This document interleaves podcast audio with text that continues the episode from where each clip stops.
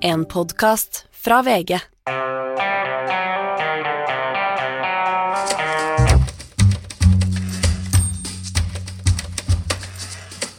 Hadde min datter vært prostituert, ville jeg gjort alt som sto i min makt for å redde henne, men hvis min sønn hadde blitt journalist, hadde jeg ansett ham som fortapt. Eh, velkommen, eh, annengenerasjons eh, journalist eh, Gard Steiro. Den fortapte sønn? Den fortapte sønn. To fortapte menn eh, her, altså. Det var Søren Kirkegård som eh, ga dette Hva skal jeg si, disse rosende ordene om, eh, om eh, journalistikken. Ja, eh, det er den vanskelige andre podkasten, Gard. Vi debuterte forrige uke, og det er stas. Da får man mye oppmerksomhet og sånn, men nå må vi liksom bare holde hjula i gang. Det, det, må, det må vi. Jeg tror vi skal klare det, for det, det slår meg at hver eneste uke så dukker det jo opp ganske interessante saker i denne medieboblen vår. da, og går, vi, jo, vi, og andre medier gjør feil hver eneste uke, og det du kan være helt sikker på at vi får eh, kritikk hver eneste uke. Så det er egentlig nok å snakke om. Nettopp. Jeg lurte litt sånn på starten, vi hadde jo en veldig god gjest uh, forrige uke med Simon Valvik, uh, manageren til Durek Verrett, og så lurte jeg på hvor går vi fra her? Jeg tror jeg kan si om denne sendingen, det blir nok en mer Vi har ikke en spektakulær gjest uh, på samme måten, men uh, mange gode temaer uh, som nok vil danne litt sånn mal for hvordan vi lager disse podkastene. Ja, vi skal i hvert fall snakke om en sak i dag som, som i, lik, som i tillegg til alle sakene, alle drapene, til rettssaker, til alt det fæle som skjer, kanskje har blitt den saken som flest har lagt merke til i Norge denne uken. Og vi får en gjest i den forbindelse òg. Ja. Men aller først bare nevne helt kort altså de sakene som uh, helt åpenbart har uh, opptatt en god del journalister og, redaktører. Det er altså Anders Behring Breivik som igjen er fremstilt og saksøkt staten. det byr på noen utfordringer for dere som tar redaksjonelle avgjørelser. Ja, den er vanskelig. Og det vanskelige der er hvordan skal vi rapportere fra det som skjer i retten. Eh, og der har mediene tatt litt ulike valg. Eh, noen rapporterer nesten ingenting. Eh, noen har valgt å sende innledningsforedragene. Noen bruker bilder av massemorderen, og noen er veldig varsomme bruken av det. Eh, jeg syns det, det, er et veldig vanskelig spørsmål. For på den ene siden så mener jeg at Norge og norske befolkningen Dette er en så stor sak at alt bør være åpent. Jeg mener at folk må få kunne se hva han sier, høre han, se bilder av han og få, altså, liksom, få tilgang til absolutt alt. Og så er jo det to argumenter mot det. Det ene argumentet er jo at det å sende dette og distribuere på den måten er en stor belastning åpenbart for de som ble rammet av terroren direkte. Og det andre som kanskje er vel så viktig, er at når vi rapporterer på den måten, hvis vi bare sender ut alt, så gir vi han en talerstol. Og det vet vi at da kan han bruke den talerstolen til å sende et budskap ut til de som støtter hans syn rundt omkring i verden. Så det er vanskelig. Vi har valgt en restriktiv linje. Vi har vært ja, jeg vil si veldig tilbakeholden denne gangen. Uh, og det syns jeg for så vidt er greit, men eh, det er med en litt sånn blandet følelse vi er så tilbakeholdne. Jeg må si, jeg tror det er tre ganger jeg har vært nede i Skien fengsel og dekket uh, dette tidligere, og det er jo mitt inntrykk at uh, mediedekningen nå er mindre kontroversiell. Eh, det har vel med avstand til, eh, til, det som skjedde å gjøre, også det selvfølgelig at man vet omtrent hva, eh, hva, han kommer med. Men jeg husker særlig første gang var det sånn Hvorfor gir dere han nå en talerstol og oppmerksomhet? Og, så og nå har jeg inntrykk av at det, er, det, har ikke vært veldig mye protester. Nei, det har det ikke vært. Men, men det har jo vært ganske Støtteforeningen for ofrene har jo gått ganske tydelig ut i forkant, hatt møter med Redaktørforeningen og sendt tydelige signaler om deres forventninger om at de ønsker en nedtonet dekning. Og så er dekningen mer nedtonet, og så er det avstand i tid. I starten var det jo sånn at folk sa at de ikke ville lese nettaviser, og, og kioskeiere snudde jo forsiden i, i, kioskene sine hvis det var bilder av han. Det var vel også, jeg lurer på om det var Dagbladet som hadde en eller annen sånn versjon du kunne gå som var da fritt for alle nyheter om, eh, om han? Ja, det er mulig, det husker jeg ikke helt. Men, men Dagbladet i forrige runde valgte jo en I forrige, forrige rettssak, forrige gang han var der, så valgte jo Dagbladet å sende veldig mye av forklaringene og hans forklaring, altså det som skjedde i retten. Og det fikk de mye kritikk for eh, i ettertid. Eh, og det mange, som jeg tror det er mange i pressen også mener, det er at journalistikk handler jo ikke bare om å videreformidle alt. Det handler om å gjøre et utvalg av det som er relevant, det som er viktig, og sette det inn i en kontekst. Så det er jo det vi prøver å gjøre denne gangen. Eh, denne gangen. Ja. Ok, eh, en annen sak eh, innledningsvis. Det er et rekordstort antall journalister som er blitt drept i konflikten mellom Israel og Hamas på Gazastripen. Og det slo meg at det er ganske spesiell situasjon. Altså, I mange år under Vietnamkrigen f.eks. så var begge parter veldig prøvde å verne journalistene. Begge så verdien av at journalistene var til stede. I konflikten i Afghanistan og mot radikale islam så gjorde plutselig radikale islam eh, journalister til et eh, for dem legitimt offer. Nå har du en situasjon hvor eh, journalister er eh, eh, Collateral damage er vel det litt kyniske ordet man bruker på det. Altså, det er ingen som egentlig prøver å ta livet av dem, men de blir drept som følge av eh, kamphandlingene eller angrepene Israel utfører mot eh, Gaza.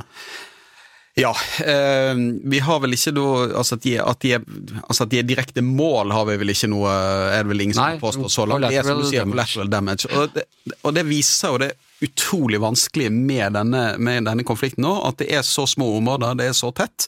Og hvis du skal være, da, være til stede og rapportere fra fronten, eh, så så løper noen risiko for å bli skadet og drept. Det er jo ikke norske journalister inne i Gaza. Det er et kjempestort det er egentlig et problem at vi ikke er til stede der. Vi har frilansere som jobber for oss, og de løper jo en risiko på vår vegne, men vi kommer oss ikke inn. Men dette viser jo hvor vanskelig det er blitt da, eh, å dekke eh, kriger og konflikter som dette. Mitt inntrykk ofte har jo vært at de stridende parter iallfall har ofte lagt til rette for at pressen på en måte skal kunne være til stede. Eh, vi husker jo invasjonen i, av Irak. Sant? Da fikk jo VGs medarbeidere være med amerikanske styrker inn, og, og det ga oss jo et, et, interessant innblikk i hva som skjedde under denne invasjonen. Mens i dag er det mye mer risikabelt, eh, både eh, Særlig i Gaza, men det er jo også, vi har jo òg hatt situasjoner der vi har hatt medarbeidere i både ja, Irak og inn mot Syria og for så vidt Ukraina, som har løpt en veldig stor risiko ved å dekke en konflikt. Det er jo også det problemet at ved at vi ikke er til stede der selv, så vet vi helt, får ikke kvalitetssikret alltid informasjonen. Det kan være vanskelig å uh, vite hvilket press journalistene der inne er utsatt for. Ja, og så mener jeg at det er dette med Man kaller det jo internasjonalt kaller det feet on the ground. altså det At det er viktig for journalister. At journalister skal, selv om det er i dag med internett, så kan man jo egentlig bare dekke en krig gjennom sosiale medier og gjennom telefon og gjennom andre virkemidler. Så kan du få ganske mange rapporter. Men det har en stor verdi at journalister er til stede og ser med egne øyne, og at det er nordmenn som er til stede og ser det med norske øyne. Det er viktig at det er flere øyne på disse konfliktene, at det er ulike rapporter som kommer ut. Men akkurat nå skjer ikke det. Den ene som eh, ble drept denne uka, var sønn av faktisk byråsjefen til Ali Al Jazeera. Og han faren var jo faktisk ute og sa at vi må fortsette å dekke denne krigen selv etter å ha tapt sønnen sin. Ganske sterk eh, ganske sterkt vitnesbyrd. Ja, men det er jo noe jeg har opplevd med uh, reportere opp igjen som har vært i situasjoner der de har havnet i veldig farlige situasjoner. Noen har jo blitt skadet eller, uh, eller sett andre kollegaer bli drept og skadet. Det er at de fortsetter. De forstår hvor viktig dette er, og de fortsetter selv om de da er smertefullt klar over risikoen de løper, og at mange har mistet mye. Ja, uten tvil den aller viktigste journalistikken som foregår i verden akkurat uh, nå. Vi har lagt et eh, år eh, bak oss. Det er eh, mange som driver med vareopptelling i disse dager, deriblant Pressens faglige utvalg, som på torsdag hadde et møte hvor de gikk gjennom altså Pressens faglige utvalg, som er vår frivillige domstol, og hvor vi kan klages inn, og det er en sånn selvdømmeordning. Og lederen for Pressens faglige utvalg utvalg, Anne Weider Aasen, hun jobber til daglig i TV 2. Der har de også mye å gjøre for tiden, så hun hadde ikke tid til å komme som gjest, men jeg fikk en prat med henne rett før hun gikk til denne vareopptellingen. Hvordan eh, vil du karakterisere året som gikk rent sånn presseetisk? Det har vært veldig mange klager. Det har vært 50 eh, klagesaker mer enn året før som vi har behandlet. Men 32 eh, av dem var en sånn masseklage mot Amedia, så det gjør litt utslag på statistikken. Og så ser vi at uh, i året som gikk, i likhet med året før og året før der igjen, osv., så, videre, så er det uh, fellelser på hva var som plakatens 3.2 og 4.14, som altså går på faktakontroll og, og kildebredde, kildekritikk, det er 3.2, og samtidig imøtegåelse. Uh, hva er det med journalister og samtidig imøtegåelse? Det er liksom det vi i alle år blir sagt at det har vi ikke vært flinke nok på. Ja, nei, det kan du si. Man skulle jo tenke at det var ganske grunnleggende at hvis man uh, utsetter noen for uh, sterke påstander av faktisk art, som er det man har krav på å få svare opp, da, så burde man gå til den som blir uh, angrepet og høre deres versjon, og rett og slett la dem få komme til til uttrykk, Men det virker som at det er vanskelig for mediene. og Vi ser også at hovedårsaken til 414-fellelsene i året som gikk, er at de som er utsatt for sterke beskyldninger, ikke har blitt kontaktet. Så enten er det at man syns det er ubehagelig, eller har ikke lyst til å sjekke er det en dårlig sak eller en god sak. Eh, eller så, så har man rett og slett ikke helt klart å identifisere hvem er det egentlig som skal ha denne imøtegåelsen. At man har kanskje tatt noen på vegne av vedkommende, men så er det personlig. Og det må man huske på. Det som også er spesielt i år, da, i tillegg til 3.2 og 4.14, som alltid er en eh, gjenganger, er at eh, barnepunktet 4.8 har rekordmange fellelser. Og det er veldig interessant. Hva er barnepunktet? Eh, det er et punkt som handler om at barn har et særskilt vern i presseetikken. Og dette punktet kan faktisk alle klage på, ikke bare de som er berørt. Men når det gjelder barn under 15 år, så kan alle klage på det. Og Det handler om at når barn omtales, så er det god presseskikk å ta hensyn til hvilke konsekvenser medieomtalen får for barnet. Og Det gjelder selv om eh, foresatte har gitt samtykke. Man må ha et ta en selvstendig vurdering av hvordan dette vil slå ut for barnet, også for framtiden. Uh, og her, uh, Det har vært veldig interessante saker. Uh, mange av dem har vært knyttet til skole, mobbing, konflikter, påstander om klanderverdige forhold. Og Det er kjempeviktig stoff å dekke. Det vil jeg bare si, det er midt i samfunnsoppdraget og noe absolutt mediene skal, skal drive journalistikk på. Men det er måten man gjør det, og at man ivaretar eh, de barna som blir omtalt, og ikke minst at de får komme med sin versjon. Hva har vært den største og vanskeligste saken av de, eller mest spektakulære på en eller annen måte, av de sakene dere har behandlet i år? Eller i fjor?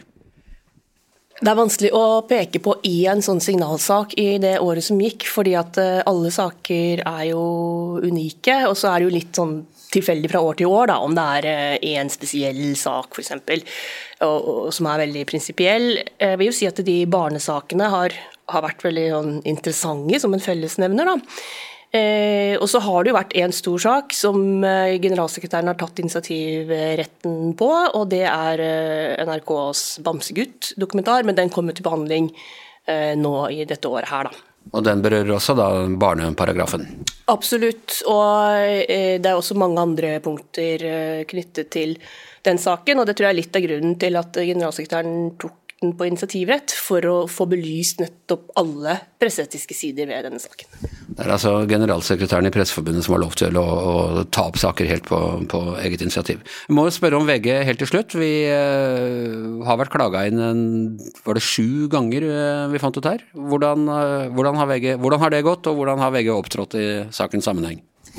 Ja, VG har blitt klaget inn, og det er da sju saker som har blitt behandlet, hvorav to av dem har vært til såkalt forenklet behandling, ikke, ikke noe brudd på god presseskikk. Eh, hvor, eh, hvor det ikke åpnes en tilsvarsrunde da, mellom klager og, og medium. Og så er det fem saker som har gått til full behandling, og der har konklusjonen vært at VG ikke har brutt god presseskikk i samtlige saker. Generelt så syns jeg at VG virker som at de tar presseetikk på stort alvor. Eh, dere er flinke til å være transparente om det dere gjør, og, og vise fram både begrunnelser for journalistikk, eh, delta i debatt, og så opplyse leserne og seerne om ja, eventuelle bindinger, hvorfor dere gjør som dere gjør. Um, og Det viser også denne podkasten som dere startet, som jeg syns er veldig veldig bra. At redaktørstyrte medier kan ha en podkast om, uh, om, medier. Uh, det bidrar til økt debatt og til transparens som det mediene gjør, og veldig, veldig positivt. Um, VG er flinke til å, å, komme til såkalte minnelige ordninger, som man skal gjøre. Uh, ta kontakt med klager, prøve å gi imøtekomme klager, prøve å, å finne fram da, til en løsning før saken kommer til PFU. Men de fem klagene vi har fått, er jo saker da, hvor, hvor, det ikke har latt seg gjøre med en sånn minnelig ordning, eh, og hvor sakene har eh, kommet til oss. Eh, VG driver jo masse interessant kritisk journalistikk, og selvfølgelig hvor eh, de som blir berørt, vil oppleve det som rammende, men det betyr ikke nødvendigvis at det er, god, at det er brudd på, på god presseskikk. Og jeg syns jo at eh, kanskje noe av det som kjennetegner VG sine tilsvar, er at de er Altså det, det vi får opplyst, da. De er veldig godt begrunnet. De framstår veldig ærlige på hvorfor VG har gjort som eh, de har gjort. Og det er ganske lett å forstå eh, rasjonalet bak. Og Så kan man være enig eller uenig. Var det riktig å gjøre det sånn og sånn? Men, men eh, det er i hvert fall sånn positivt da, når utvalget skal eh, behandle saker. Og så har jo vi landet på, De er ganske ulike, de VG-sakene, så vidt jeg husker. Men eh, VG har falt ned på riktig side av streken i alle de sakene. Har du noe malurt å røre inn i dette begeret av ros? Jo, faktisk så har jeg det. Og det har vi også sagt i, i, noen av de sakene som VG har blitt klaget inn på. For dette det har ofte vært massive saker eh, om klanderverdige forhold og som rammer enkeltpersoner. Eh, vi, nå husker jeg jeg tror det var nå i året som gikk, eller så var det året før. Det har vært en podkastserie. Det, det, er eh, serier da, og digitale produkter som eh, på en måte er liksom nyskapninger hos dere, som, men som strekker seg over, over ganske sånn stor utstrekning, og det er flere episoder, eller du kan lese flere artikkelserier på nett og flere spesialer. Av og til så tenker jeg at VG må tenke seg om. Er det virkelig virkelig nødvendig eh, at vi skal ha så mange versjoner? Skal vi liksom utsette denne personen, da, eller denne enkeltpersonen, eh, for liksom så massivt trykk? Det tenker jeg at, eh, at VG kan være bevisste på. Ikke bare VG, men også andre medier. Og det er jo ikke sånn at generelt at vi feller på mengde eller på, på masse. Eh, men for den som blir utsatt for journalistikken og for medietrykket, så er det klart at det er en stor del av belastningen. Og det tenker jeg at eh, det må, Selv om det ikke blir fellelse, så må både VG og andre medier ta det inn over seg. Eh, hvilket ansvar man har, og, og hva, man, hva, man, tenker at liksom er nødvendig.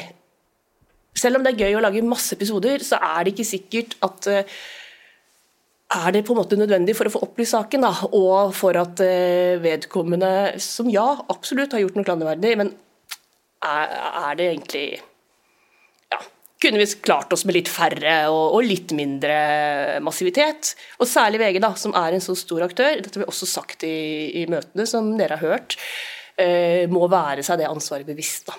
Dere er en sånn bjellesau, dere er kjempesvære, og med det følger, følger det ganske mye ansvar. Ja, gratulerer med ros fra Pressens faglige utvalg, da, Gard. Jo, den rosen går jo til alle ansatte i, eh, i VG. Altså det, altså driver, det som er med sånne PFU-saker, at hvis, hvis, journalisten har gjort en veldig grundig jobb og har god dokumentasjon, så er det mye enklere å svare PFU. Eh, de verste situasjonene du havner i som redaktør, det er når du, når du, oppdager, når du blir klaget inn til PFU, når du oppdager at vi har slurvet. Når det blir klart liksom, i PFU, når klagen kommer til PFU, det er det verste. Og så er det mye enklere når du kan, som Vedre Åsnes sier, at du, du, får en klage og du kan være åpen og ærlig om hvordan vi har tenkt. Og så kan jo utvalget være uenig i hvordan vi har tenkt, men da har du iallfall en, en god argumentasjon da, for din sak. Men som hun sier, noe mm, Pressens faglige utvalg ikke tar hensyn til, det er massiviteten. De tar bare har det vært konkrete overtramp, men eh, hvis vi kjører eh, på men en uke etter uke med en person på forsiden, så, så teller ikke det med i den vurderingen eh, PFU gjør. Ja, det er delvis rett, for det er et punkt der, uh, der de kan på en måte felle oss på at vi ikke viser tilstrekkelig omtanke. Så det er mulig å ta oss på det, men det er et veldig det er et sånt punkt som òg PFU sjelden eh, sjelden bruker òg fordi at de er Jeg tror de er forsiktige med liksom overprøve liksom de redaksjonelle vurderingene på om en sak er viktig eller ikke. Men jeg syns hun har et veldig viktig poeng. Eh, og det, dette er noe av det som oftest, når det, når det virkelig er folk har blitt sjuke av mediedekning og veldig rammet av det, så handler det om massivitet. Og da har du den, det er to former for massivitet. sånn som det. det ene er at du får alle medier etter deg samtidig. At du havner i en, du, du havner i en eller annen situasjon der NRK, TV 2, Dagbladet, VG, lokalaviser i tillegg til det trøkket i sosiale medier. Det ble helt massivt. Og jeg tror, det, jeg tror det er helt umulig å forstå hvordan det oppleves, hvis du ikke har opplevd det. Men det andre hun trekker fram som jeg syns er interessant, det er jo medievirkeligheten sånn som den er nå. Der hvis man, et mediehus har en sak, så lager de artikler, og så lager de kanskje TV-sendinger, så lager de en podkastserie, så går dette ut i Gjever og gjengen eller i andre podkaster, da, og, og, man skaper liksom et univers nærmest rundt en sak. Og så kommer dette episodevis, kanskje én episode én lørdag, og så neste lørdag kommer det en ny episode. Og da skaper du, selv om saken ikke egentlig er så stor, selv om saken da kanskje ikke er så stor og den ikke får dekning i andre medier, så blir opplevelsen hos den som blir utsatt for kritikken, voldsom. Og Der syns jeg hun har et veldig godt poeng. Dette må jo være bevisst. At ikke vi bruker fortellerteknikker rundt saker som gjør belastningen eh, for stor for den som utsettes for kritikken. Så er det en sak som har vært veldig mye snakket om i eh, mediene, eh, i hvert fall i fjor, som var oppe i Pressens faglige utvalg, og som hun av naturlige grunner ikke nevnte. Nei, det, og det syns jeg er kanskje en av de mer interessante sakene i, i fjor.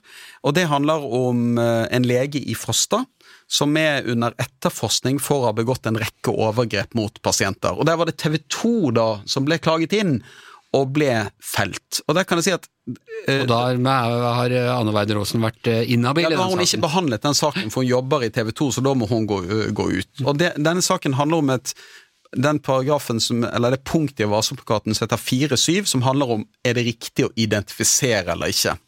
Og her fikk utvalget kritikk fra mange representanter. Hva er forskjellen på det kritikk og fellelse? Nei, Det er vekke nå. Okay. Det, det, altså det, tidligere hadde man ulike nivåer av fellelser. Ja. Nå er det sånn at enten så blir du felt, eller så går okay. du klar. Man har gjort det enklere, og det tror jeg er bra. Men det som skjedde her, var at denne, denne fellelsen av TV 2, der PFU slår fast at det var galt av TV 2 å identifisere denne legen. Den, fått, den ble veldig mange overrasket over, og den har òg flere representanter for medien kritisert PFU. Og der er jeg enig med de som kritiserer PFU. Jeg støtter TV 2 i den saken. Det er noe vi identifiserte ikke? Nei, men det, det, skal jeg forklare forskjellen på. Det at TV 2 gjorde i den saken, etter min mening, en veldig grundig arbeid med å fortelle hva som hadde skjedd i Frosta. De hadde masse dokumentasjon rundt saken, eh, og hva den legen hadde gjort. Og for meg, som leste den saken, så var det åpenbart at dette var en svært alvorlig sak. Stor eh, offentlig interesse, og saken er så alvorlig at jeg mener at vi har rimelig Altså publikum bør kunne få vite hvem denne legen er.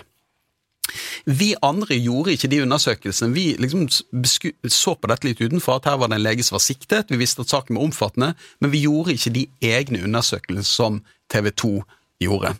Og der mener jeg at utvalget la veldig vekt på at han jobbet ikke som lege nå, så derfor var risikoen på en måte for nye overgrep beskjeden, og derfor, det var ett av argumentene for at TV 2 eh, ble felt i den saken. Mens jeg mener at utvalget der la for lite vekt på utrolig alvorlig den saken er, og at de mest alvorlige sakene så mener jeg at mediene, hvis de gjør en grundig jobb, bør kunne fortelle hvem som har gjort dette. Er du ofte uenig med PFU? Jeg ser bort fra våre egne saker, selvfølgelig, men uh... Ja det, Nei, jeg er ikke ofte uenig, men det hender noen ganger jeg er uenig. Men jeg er veldig forsiktig med å kritisere PFU.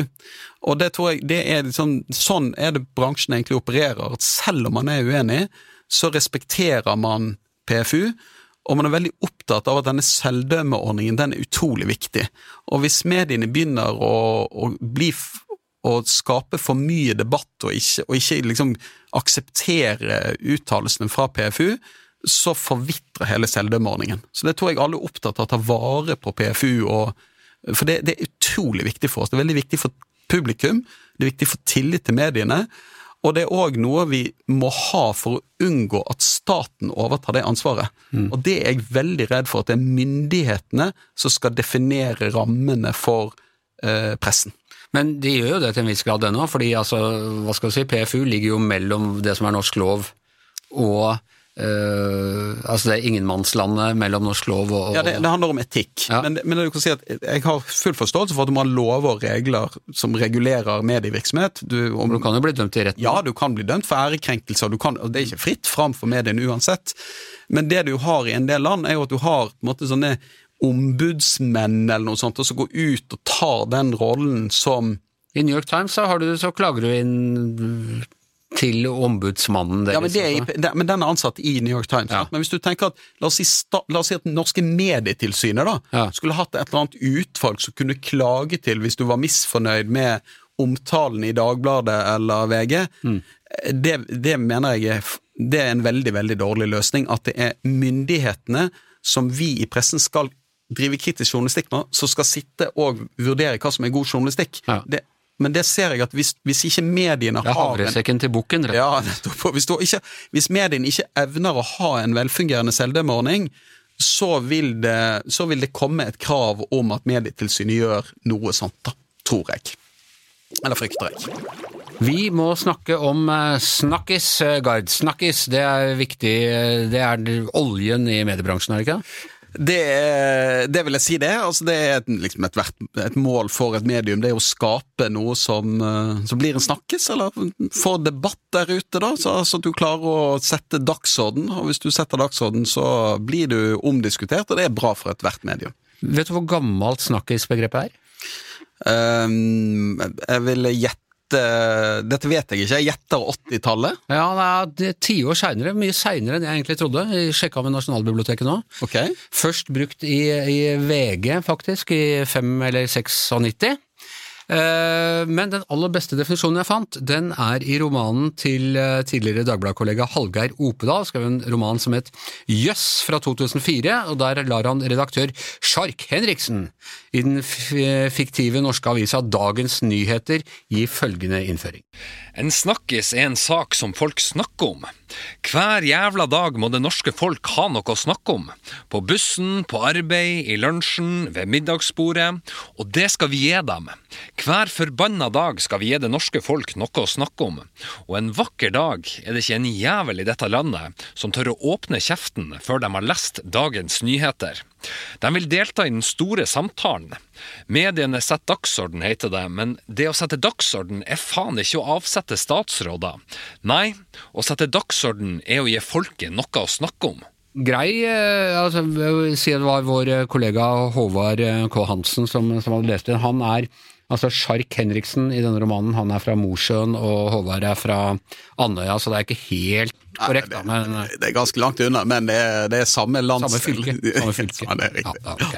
Eh, Du er jo også egentlig nordlending, selv om du Fra Vesterålen like ved Ja, jeg er fra Vesterålen, fra Sortland. Det er ikke så Det er litt sør for Eneste da, nordlending i verden som prater vestlandsk. Ja, det, det er jo en skade, selvfølgelig, etter å ha bodd i Bergen under. Ok, eh, greit nok, men i hvert fall du eh, var ute på det, dette, disse kvart på elleve-møtene som vi kaller det her i VG, og kåra ukas eh, snakkis her om dagen. Ja, det gjorde jeg. Den handler om eh, hvorvidt du, det er kosher å sende barna sine i barnehagen for å kunne drive dank, eller være med din ektefelle og spise høye smørbrød, eller gå på ski, eller jeg vet ikke hva, hva unge, unge småbarnsforeldre gjør for tiden når de har fri. Rett og slett, altså i eksempel juleferien, selv om du er hjemme, sende barna i barnehagen. Og nå skal vi, skal vi vise litt sånn yrkeshemmeligheter, hvordan vi lager snakkiser. Og denne, det er, eh, kanskje ikke alle vet det, men eh, Aftenposten har også sine podkaster. Og på Aftenpodden, vår, vår frenemy-pod der, så uh, sier eh, Lars Glomnes i første utgave etter jul følgende. Jeg har en life hack for de som måtte ha små barn, og en uh, åpen barnehage. Jeg vil si, jeg kommer tilbake full av energi, uh, fordi eh, vi fikk tre dager med sånn voksenferie eh, fra ni til fire, da barnehagen var åpen. Begge barna var der. Eh, ikke si noe til dem, for de tror vi var på jobb. Bokstavelig talt. Men da muligheten til å spise lunsj, gå ta en skitur, gjøre litt sånne ting hjemme. Altså, for en gave. Beste, Det- det hele, perfekt. beste, hele Det er perfekt. Da vil jeg bare si velkommen, Lars eh, Glomnes fra Aftenpodden til eh, Mediebobler. Å, tusen takk. Eh, Det er klart, hvis vi skal ha en ordentlig snakkis, så må du jo til Aftenposten. Det er helt klart, for Aftenposten skjønner ikke sjæl når de sitter der med gullet mellom fingra. Altså når jeg hører Når jeg, må si, når jeg hører meg selv, så, så gjenkjenner jeg et par på en måte ja, brannfakler og, og, og små, små grep der som, som, eh, som kan ha medvirket til at dette tok fyr. For det som altså skjer, noen i VG hører denne uttalelsen, eh, sier dette er en eh, snakkis. Eh, vi kjører opp, altså første, første fronthenvisningen var 'sendte barna i barnehagen for å ta voksenferie', i anførselstegn. Bekymringsmelding til barnevernet! Altså den fronten, jeg vil si VG jobber hardt her for å, for å, for å få opp temperaturen i denne saken, for det ser jo ut som om jeg har altså, eh, Du ser to smårollinger i sånn kuldedrakter stabber inn i barnehagen. eh, Ja. Far ligger hjemme på sofaen og leser eh, romaner. Dette løftes fram som en avsløring. Det ser ut som jeg har putta ungen i fryseren eh, og driver med et eller annet helt, eh, helt ugreit. Eh, men det er nå så, det. Det, det Det du kjenner til VG-testen. jeg, jeg gjør det. Og hva er. VG-testen? Nei, det er at det du sier skal kunne refereres på fronten av VG uten at du Du må stå for at det skal kunne stå på VG-fronten. Det er, vil jeg si at podkastsjangeren tidvis ligger i liksom randsonen av Eller risikosonen, da, for å, for å bryte mot VG-testen. Ja, Det høres ut som en podkast i ti år. Jeg har aldri havna på forsiden av eh, VG eller Aftenposten eller noen andre for det jeg har sagt. Nei, altså det skal jo sies um, Jeg var jo klar over at dette Altså, det, det var ikke en tilfeldig valgt sak å, å ta med inn i det nye året. Det var jo fordi at jeg hadde sett at dette hadde liksom potensial for å være noe folk hadde meninger om, og, og det var liksom en interessant samtale å ha gjennom eh, jula, egentlig. Fordi at det ligger litt sånn der, hva er det som er greit, hva er det som er ikke greit, hvordan løser du det, hvordan har dere gjort det?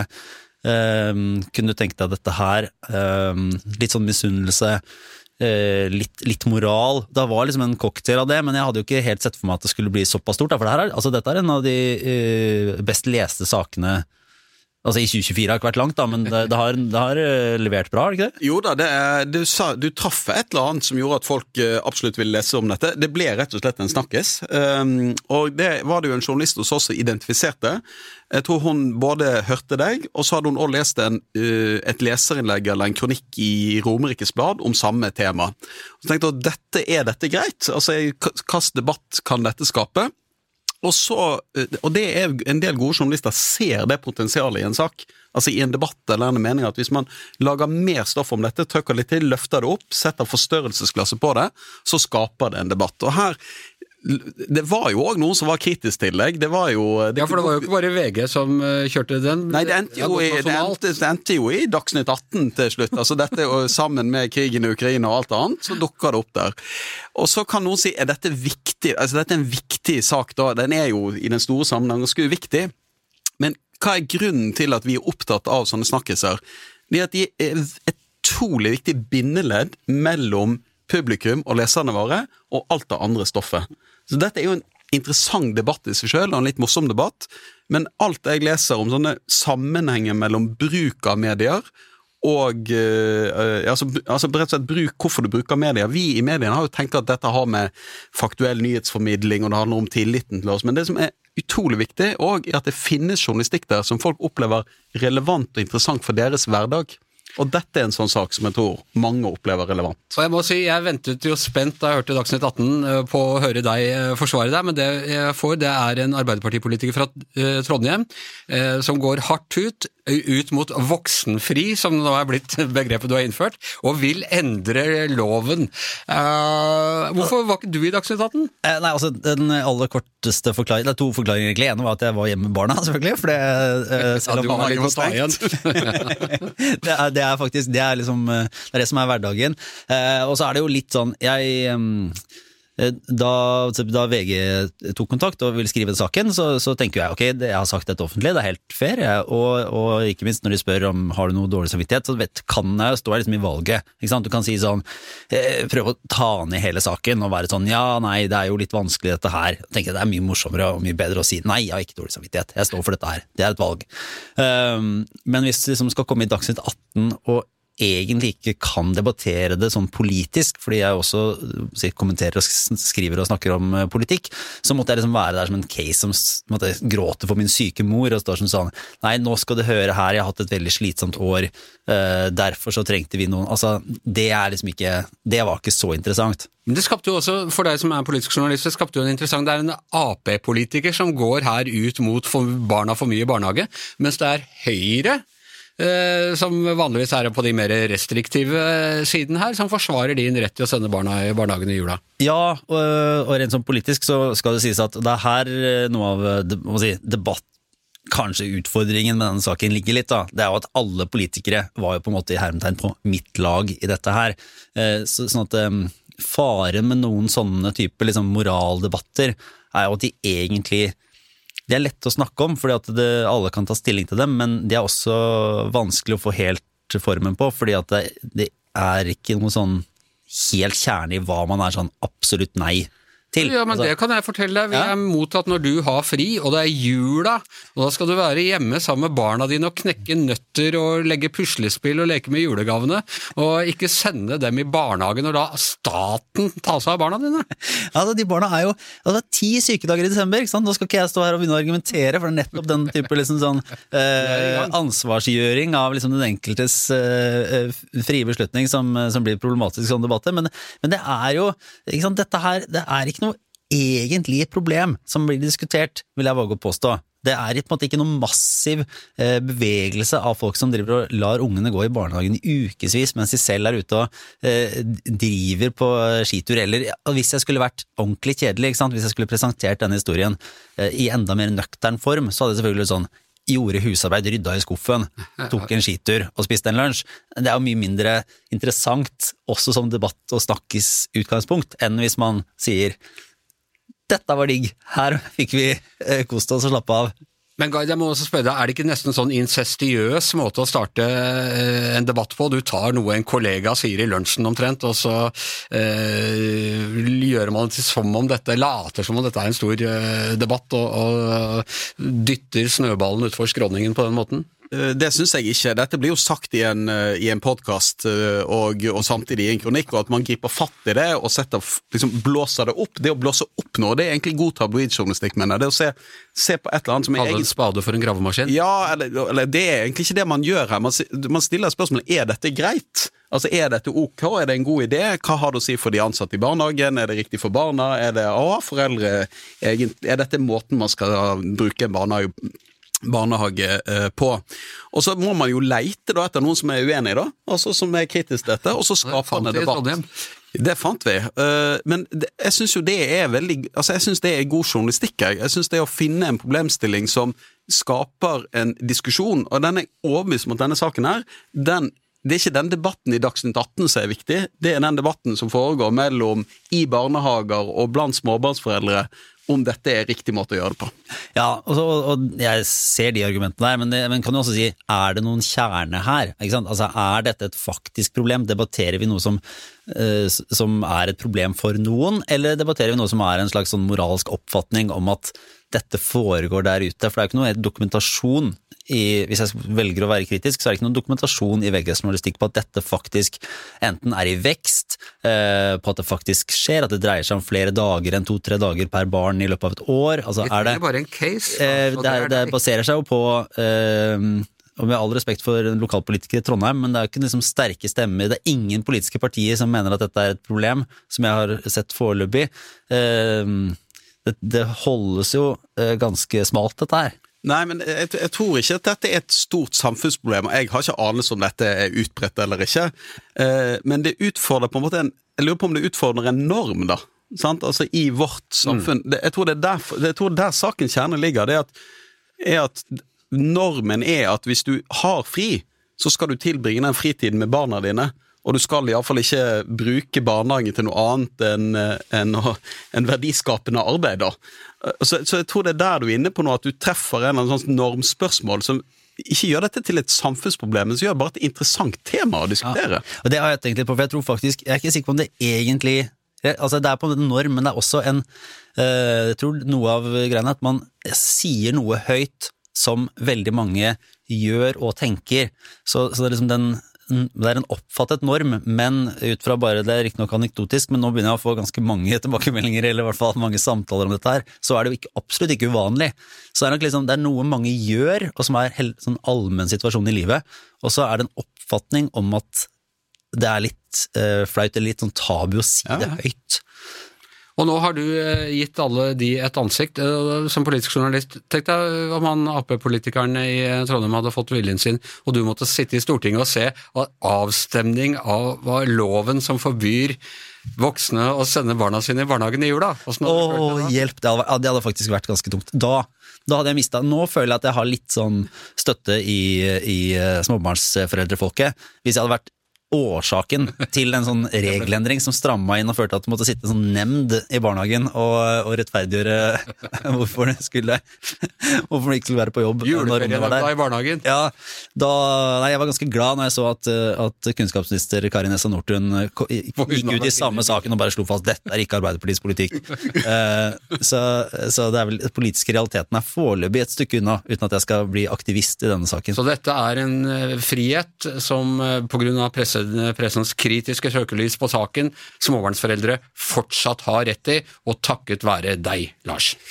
sånn vil jeg se det.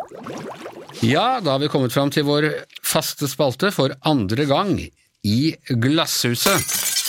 Eh, det har vært mange alvorlige drap i Norge bare siden nyttårsaften. Eh, dette har vi snakket om i noen andre podkaster vi lager her på huset. En som heter Gjevrøy-gjengen, og en som heter eh, Krimpodden.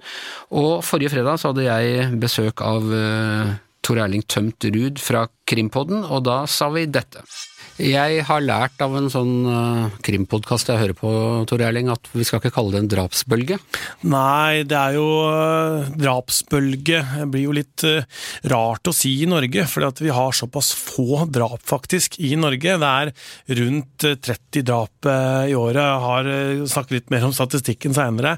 Så da, når man ser da noen tre drap drapshendelser, sånn som vi har gjort nå, på rappen, så er det På noen dager? Ja, det er jo innenfor et, et par døgn, egentlig. Eh, så, så, er det litt tidlig å kalle det en bølge. Fordi alle disse drapene er jo veldig um, unike og for seg selv, og, og kan egentlig ikke sammenlignes, da. Ok, eh, høres fornuftig ut dette, Gard. Okay, ja. eh, men det er bare det at eh, ikke før har vi gått ut av studio. Så har vi jo følgende overskrifter i VG i løpet av de neste dagene. Justisministeren om drapsbølgen. Det er helt meningsløst. Bollestad om drapsbølgen. Altfor mange lever i frykt. Jeg vet ikke, altså Det er vel kanskje Tor Erling og jeg som satt i glasshuset her, da.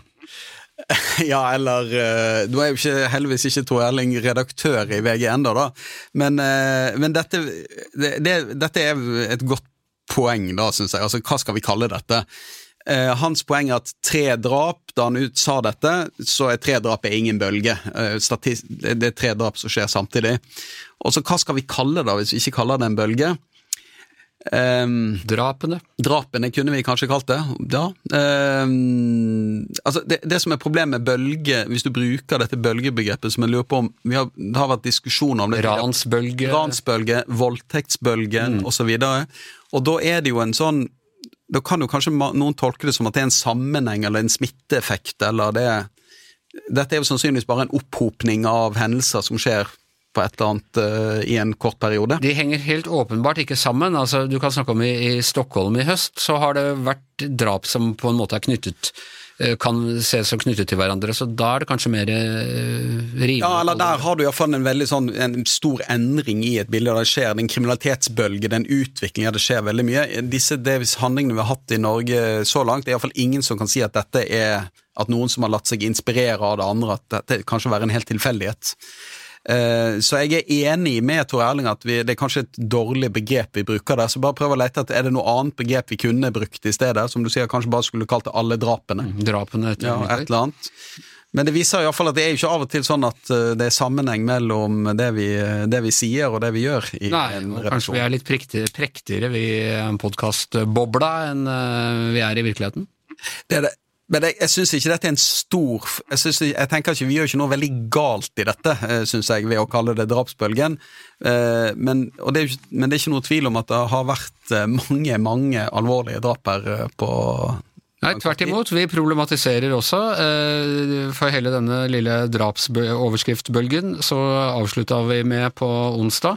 Leder for voldsseksjonen i Kripos, Sigurd Andreas Moe, mener at det ikke er grunnlag for å si at Norge er inne i en drapsbølge. Ja, men det er jo bra. Da får vi jo inn det perspektivet òg til leserne. Men det tenkte jeg kunne si, altså der, der jeg virkelig har reagert, eller der jeg tenker at vi har virkelig gjort feil tidligere, det er når vi har skrevet om brukt begreper som voldtektsbølger eller eh, ransbølger eller også innbruddsbølger for så vidt tidligere, der det der når vi ser på det, så ser vi på en veldig kort periode, og så er det tilfeldigheter som gjør at noe skjer samtidig. Og da bidrar vi også til å skape en unødvendig frykt i samfunnet. Nå tror ikke jeg at veldig mange går rundt og frykter å bli drept som følge av det som har skjedd nå, eh, så, så det er litt annerledes. Men det er når disse Når vi, når vi Når ordene vi bruker skaper et inntrykk av at situasjonen er enda mer alvorlig enn den er, det bør vi være varsomme med. Ok, så var det altså det var jeg og må vi si, Tor Erling som sammen satt og, og øh, lagde denne definisjonen som vi mente ikke var helt, øh, helt gangbar. Eh, Det går mot slutten. Du, vi snakket om her øh, løselig øh, om vi skulle ta opp hvilken sak det var i løpet av uka som stått, var et annet medie som du gjerne skulle hatt. Har du sett noe sånt denne uka? Ja, det har jeg sett. Eh, Det er helt utvilsomt eh, NRK sin eh, veldig gode journalistikk eh, på, mm, eh, på naturendringen i norsk natur, hvordan norsk natur mm, brytes ned. Jeg syns det er prisverdig at NRK med sine ressurser gjør et sånt arbeid. Og så var det noe jeg la merke til som, eh, som jeg syns òg var veldig bra med den saken. Det er at de har laget en sak som du finner på nrk.no, og så gjør de som NRK gjør, de løfter det inn i Dagsnytt 18 og Dagsrevyen overalt. Men det de òg gjorde denne gangen, det var at um, Nå må jeg ha en liten pause og bare tenke, hva het det programmet? Det heter Ombudsmann? Det Ja, som- nei, øh, Oppsynsmann. Oppsynsmann, og han heter selvfølgelig Bård Tufte Johansen. Bård Tufte-. Men det de òg gjorde denne gangen, som jeg synes var veldig bra, det er at de har laget en programserie med Bård Tufte Johansen, der han reiser rundt i Norge og snakker med mennesker og ser på disse naturendringene i norsk natur. Og det syns jeg bare var et veldig, veldig godt grep, for det er en annen inngang til veldig mange eh, nordmenn, der de får en annen innfallsvinkel til denne problemstillingen som er viktig. Så der, ros til NRK for måten de har tenkt helhetlig rundt den satsingen der. Ja, og de eh, programmene ligger altså på, i spilleren på NRK, så de kan man eh, gå inn og se der. Eh, Da er det slutt for denne uka, Gard. Vi får håpe vi fortsetter å gjøre litt sånn tvilsomme ting i uka som kommer, så vi fortsatt har en podkast å gå til når eh, neste uke er over. Akkurat det kan jeg love deg, eh, Anders, at også neste uke kommer til å bli debatt om VG, og vi kommer helt sikkert til å gjøre noe tvilsomt. Og hvis ikke vi gjør noe gærent, så har vi alltid noen kolleger som er villige til å legge hodet på blokken. Men vi er altså over for denne uka. Tusen takk til Anne Weideråsen, Lars Glomnes, Håvard K. Christiansen og Gard Steiro. Jeg heter Anders Giæver, og vår produsent var som alltid Magne Antonsen.